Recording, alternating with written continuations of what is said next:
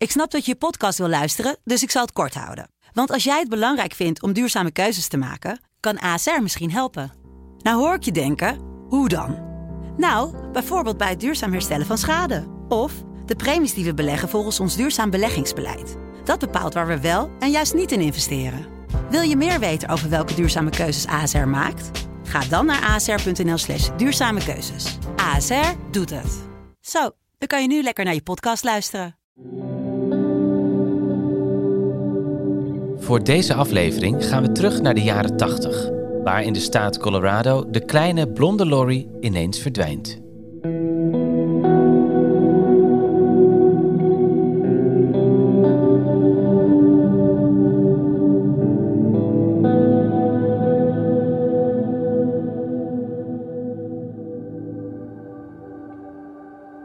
Je luistert naar de podcast Ontvoerd. Ik ben Maya Noordam en ik zit hier samen met Kevin van den Berg. Ook deze week duiken we in een ontvoeringszaak die wereldwijd voor opschudding heeft gezorgd.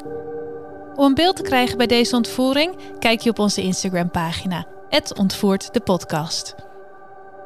Dit is Ontvoerd, aflevering 33, Bodemloze Put. Onze waargebeurde ontvoeringsverhalen bevatten schokkende details over geweld, seksueel misbruik, claustrofobie en of mishandeling. Ben je jonger dan 18 jaar of gevoelig voor deze details? Dan adviseren we je om niet naar onze podcast te luisteren.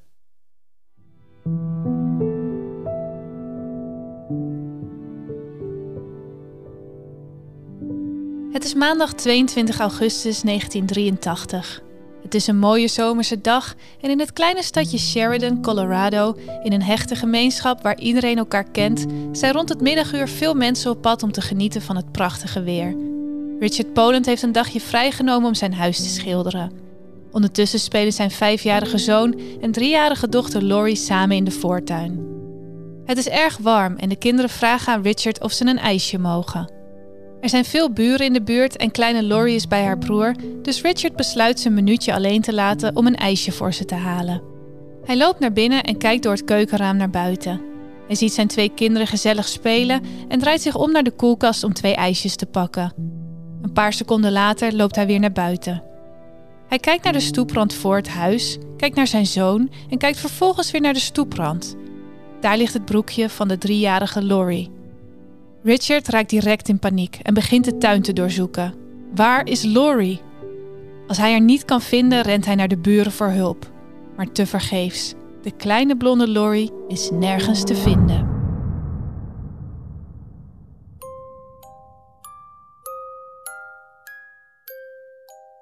Richard is radeloos en belt direct de politie om zijn dochter als vermist op te geven. De politie start een grootschalige klopjacht waarbij ze in de buurt van het huis van deur tot deur gaan om iedereen te vragen of ze iets hebben gezien. Een aantal buren meldt dat ze hebben gezien dat er een auto even voor het huis stopte, maar net zo snel vertrok. Niemand merkte echt iets verdachts op bij de tuin van de familie Poland. Onmiddellijk is de hele gemeenschap betrokken bij de zoektocht naar Lori. Het bericht over het vermiste meisje verspreidt zich snel en iedereen uit de regio komt samen om te helpen bij de zoekacties. Overal in de stad worden flyers opgehangen en vrijwilligers sluiten zich aan bij de zoekteams die de nabijgelegen bossen doorzoeken. Het is 1983 en er is geen internet, geen Amber Alert en kinderen worden niet gewaarschuwd voor vreemden. Er is daarbij vrijwel geen preventie vanuit de overheid rondom ontvoering en kindermisbruik. Het is op dit moment zelfs zo dat je een zwaardere straf krijgt als je een dier pijn doet dan wanneer je dit bij een klein kind doet. Dus bij gebrek aan andere mogelijkheden wenden Richard en Diane Poland zich tot de reguliere media. Diane, de moeder van Laurie, doet een emotionele oproep aan de ontvoerder en smeekt om de veilige terugkeer van haar dochter. Zij en Richard delen hun verhaal, uiten hun zorgen en roepen iedereen met informatie op om zich te melden.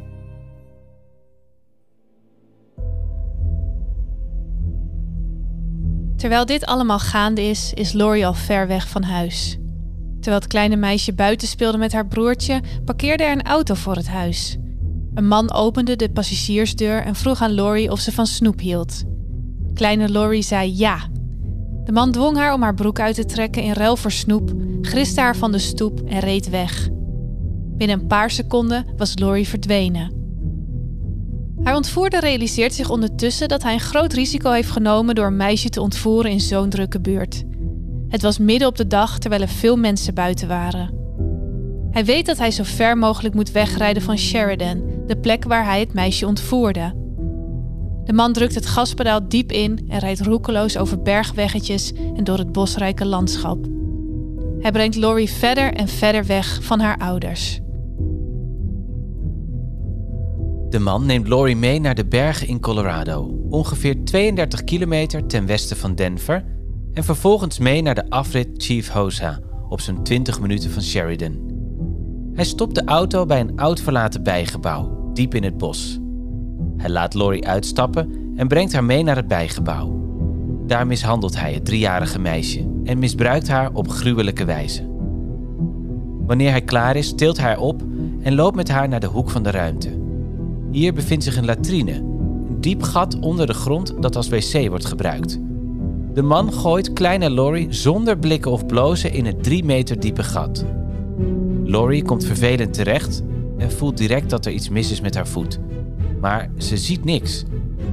Het driejarige meisje zit gevangen in het donker, omringd door vuil en ijskoud water dat vermengd is met chemische stoffen. In de verte hoort Laurie het geluid van de dichtslaande deur en ze begint te huilen van angst en van de pijn in haar voet. Laurie is zojuist achtergelaten om ondergronds te sterven.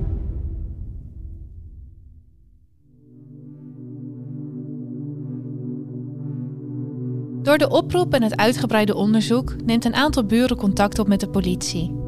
Eén ooggetuige, Paul Weaver, herinnert zich cruciale details over de auto die betrokken was bij Laurie's ontvoering. Hij vertelt dat hij een oranje Datsun sedan met zwarte letters en stroken langs de onderkant had gezien, die dubbel geparkeerd stond voor zijn huis. Twee minuten later kwam hij naar buiten en zag hij de auto in de verte wegrijden. Zijn kinderen vertelden hem dat hun buurmeisje Laurie in de auto zat. Paul keek de auto na en las de letters van de kentekenplaat. ADV, gevolgd door drie cijfers die hij zich niet meer kan herinneren. Op dezelfde dag komt ook een andere getuige, Michael Fisher, met belangrijke informatie naar voren. Hij vertelt de politie dat zijn kinderen een week eerder van school naar huis waren gevolgd door een man. Hij beloofde de kinderen snoepjes als ze hun broek uit zouden doen. Dus Michael reed direct naar de school waar hij een man zag met schouderlang haar en een baard. Michael stapte uit en zei: Hey jij daar! De man schrok en rende snel weg. Michael probeerde hem nog te volgen, maar raakte hem al snel kwijt. De man is volgens Michaels beschrijving zo'n 1,75 meter, ongeveer 70 kilo en hij heeft vies bruin haar. De getuigenissen van zowel Michael als Paul geven de politie veel informatie over het uiterlijk van de mogelijke ontvoerder en de auto waarin hij rijdt. De politie heeft nog hoop dat de kleine Laurie nog in leven is, maar tegelijkertijd hebben ze geen informatie over haar locatie of iets wat hen naar haar zou kunnen leiden. Laurie is nog altijd spoorloos.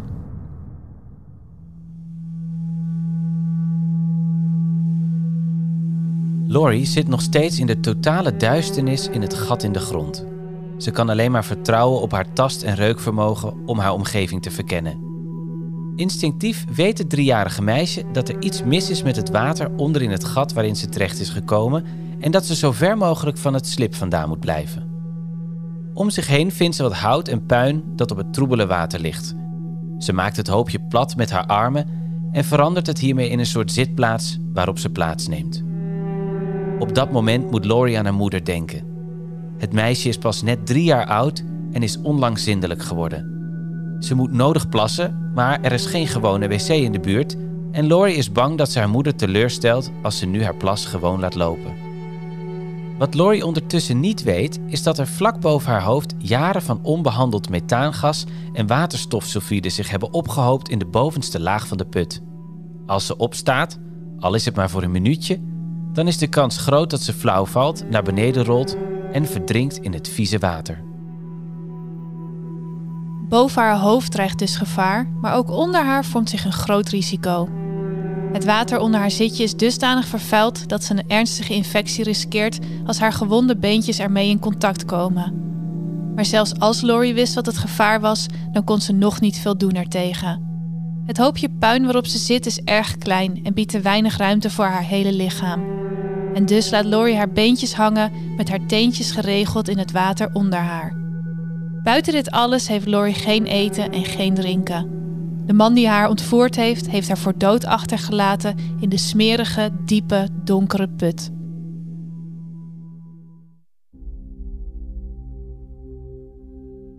De volgende dag heeft de politie nog steeds geen enkele informatie over de verblijfplaats van Lori. Maar ze komen wel dichter bij de identiteit van haar ontvoerder.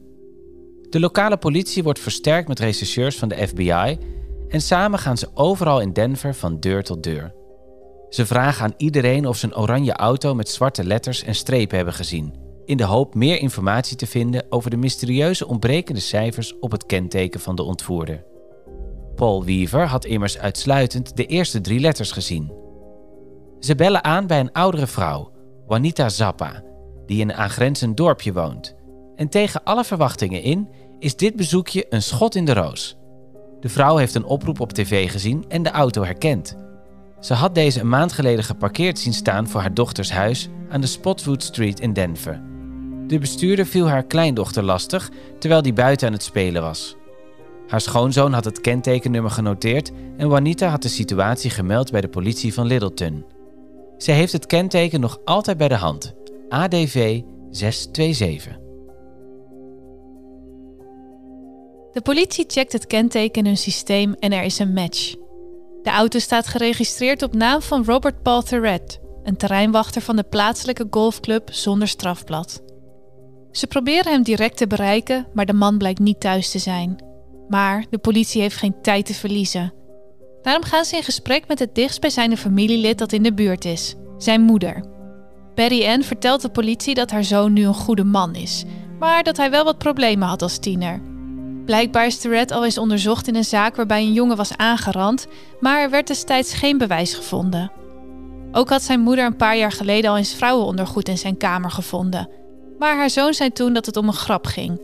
Volgens Betty Ann is dit heel normaal gedrag voor tieners en verbindt hem dit op geen enkele wijze aan de vermissing van Laurie Poland. Maar de politie laat het er niet bij zitten.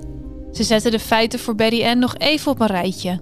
Robert en zijn auto waren bij drie afzonderlijke incidenten geïdentificeerd. En bij alle incidenten bood hij kinderen snoep aan en vroeg hij hen hun broek uit te trekken, inclusief Laurie Poland. Betty Ann zucht wanneer ze dit hoort en vertelt dat ze nooit signalen van dit type gedrag bij hem heeft gezien. Ze vraagt zich af of hij misschien een mentaal probleem heeft, misschien wel door iets wat zij verkeerd heeft gedaan in de opvoeding. Ze kan zich vaag wel herinneren dat er vroeger iets is gebeurd, maar ze weet niet meer precies wat dit nu was. Ondertussen tikt de klok door. Waar is Robert Tourette? En nog belangrijker, waar is kleine Laurie? Ondertussen begint Laurie's jonge geest haar in de steek te laten. Ze kan de nacht niet meer van de dag onderscheiden en minuten duren uren voor haar gevoel.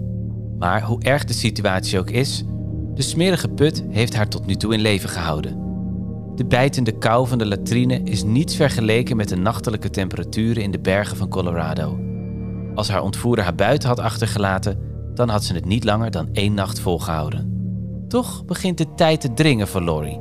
Haar kleine beentjes zijn inmiddels geïnfecteerd en daardoor helemaal zwart tot aan haar bovenbeen. Chemicaliën die in het water zitten zijn inmiddels in haar bekken terechtgekomen. De pijn houdt haar voortdurend wakker. Ze is moe, koortsig, dorstig en hongerig. Inmiddels zit ze al drie dagen opgesloten zonder voedsel of water. Laurie probeert herinneringen op te halen aan haar moeder, maar haar geheugen is wazig geworden. Het enige wat ze hoort is de echo van haar eigen schreeuwen om hulp, maar verder is het doodstil. De kans dat haar lichaam het begeeft wordt met de seconde groter en realistischer.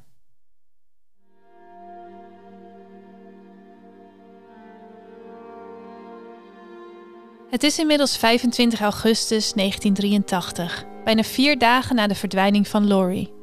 Vogelaars Cynthia en Stephen Gallen zijn op weg naar de bergen van Colorado voor een wandeling. Ze kijken uit naar weer een mooie dag om vogels te spotten in een voor hen bekende omgeving. Halverwege zegt Cynthia dat ze naar het toilet moet. Steven draait zich om en kijkt verkennend door de omgeving. Dan ziet hij het Beaver Hoekpad en hij herinnert zich de oude campervoorzieningen die daar nog moeten zijn. Samen met Cynthia loopt hij in de richting van het oude gebouw, zodat zij daar haar behoefte kan doen. De twee openen de deur en lopen naar binnen. Dan hoort Cynthia opeens een onverwacht geluid, waarna zij en Steven rondkijken om te zien waar het vandaan komt. Dan horen ze opnieuw gestommel en realiseren ze zich dat het geluid uit de grond komt, vanuit het gat van de latrine die Cynthia als wc wilde gebruiken. Ze lopen naar het gat en Cynthia kijkt naar beneden. In de weerspiegeling van het zwakke licht ziet ze drie meter lager de betraande ogen van een klein meisje. Ze zit op een hoopje puin net boven het vieze water van de latrine en ze ziet er niet goed uit. Het is kleine Lori Poland. Wat doe jij hier? vraagt Cynthia aan het meisje. Lori antwoordt. Ze zegt dat ze daar woont. Ze zit al zo lang in de put dat dit voor haar het nieuwe normaal is geworden. Ze denkt dat ze op de bodem van het toilet woont. Cynthia en Steven kunnen Lori niet pakken omdat ze zo diep onder de grond zit. Daarom bellen ze vrijwillige brandweerman Steven Baker. Hij gaat door het gat naar beneden en bereikt Lori. Ondanks dat ze dagenlang zonder voedsel of water heeft vastgezeten in de put, is het meisje nog steeds bij bewustzijn. Haar benen zijn echter in zeer slechte staat door de infectie. Steven tilt haar voorzichtig van haar plek en maakt haar vast aan zijn harnas.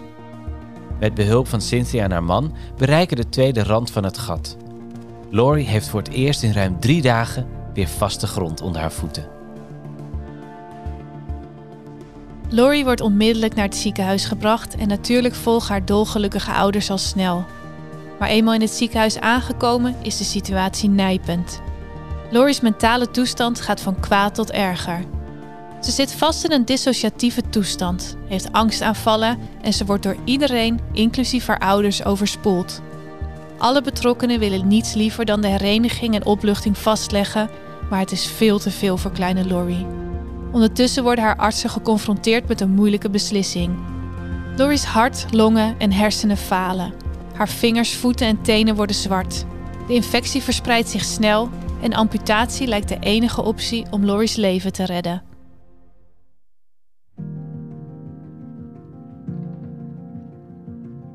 Wonder boven wonder verbetert de toestand van Lori drastisch in de loop van slechts een paar dagen.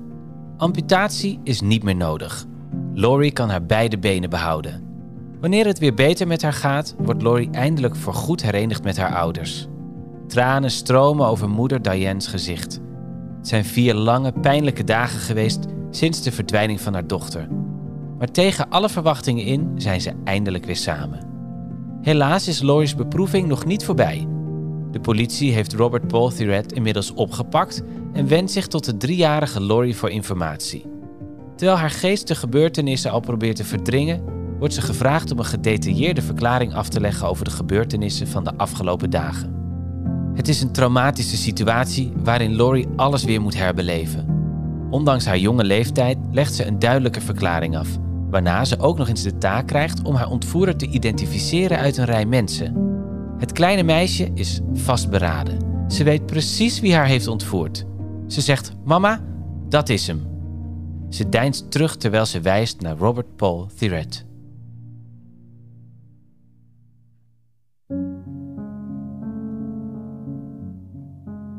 Terwijl het proces van Robert Thirret dichterbij komt, geeft zijn vrouw hem onverwacht een valse alibi. De aanklager is bang dat Thirret hierdoor wegkomt met zijn misdrijf als hij niet schuldig pleit in combinatie met deze vervalste alibi. Daarom neemt de rechter een controversiële beslissing. Hij biedt Thirret een pleidooiovereenkomst aan. Alle aanklachten worden ingetrokken, die rondom poging tot moord en ontvoering, behalve die voor seksueel misbruik. In ruil voor zijn bekentenis hiervoor krijgt hij 10 jaar gevangenisstraf, in plaats van de 48 jaar die hij zou krijgen voor de gehele veroordeling. Het publiek is woedend, maar Tourette gaat akkoord met de deal en wordt veroordeeld tot 10 jaar gevangenisstraf. Na slechts 6 jaar wordt hij al vrijgelaten wegens goed gedrag.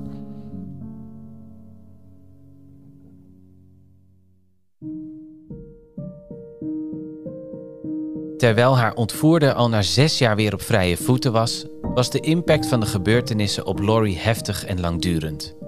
Na haar bevrijding volgde een reeks van psychologische en emotionele problemen, zoals depressie, angstgevoelens en PTSS. Ze had moeite om mensen te vertrouwen en worstelde met haar eigen waarde. Maar dankzij veel therapie, ondersteuning en zorg heeft ze geleerd om met het trauma om te gaan. Op de vraag of ze vindt dat er gerechtigheid heeft plaatsgevonden, zegt ze: Voor mij gaat het niet echt om rechtvaardigheid. Het gaat meer om impact hebben.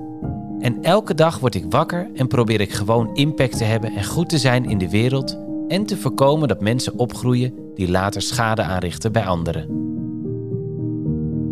Laurie Poland, nu moeder van drie kinderen, werkt tegenwoordig samen met kinderarts Dr. Richard Krugman. Hij hielp haar tientallen jaren geleden door haar eigen trauma heen als medeoprichter van de End Child Abuse and Neglect Association, oftewel EndCan. Inmiddels is Laurie CEO geworden van EndCan. Haar werk bij de vereniging heeft haar laten zien dat misbruik vaak deel uitmaakt van een cyclus van geweld, met slachtoffers aan beide kanten. De meeste zedendelinquenten hebben een geschiedenis van misbruik in hun eigen jeugd en haar ontvoerder is hiervan een goed voorbeeld. Robert Tourette werd vanaf zijn derde misbruikt, dezelfde leeftijd als Laurie had toen hij haar ontvoerde. Laurie's missie is om genezing en begrip te promoten door in te laten zien dat iedereen die betrokken is geweest bij misbruik support en verzorging nodig heeft om te helen en verder te kunnen in het leven. Ze wil dat alle slachtoffers van misbruik weten dat hun stemmen altijd luider zullen zijn dan stilte. Tot zover het ontvoeringsverhaal van Laurie Poland. Wil je een beeld krijgen bij Laurie, vroeger en nu, en van haar ontvoerder? Kijk dan op onze Instagram-pagina ontvoerd de podcast. Volgende week hoor je het verhaal van Sarah Payne. Dit jonge meisje was aan het spelen met haar broer Luc in de buurt van het huis van haar grootouders tot ze werd meegenomen. Tot dan.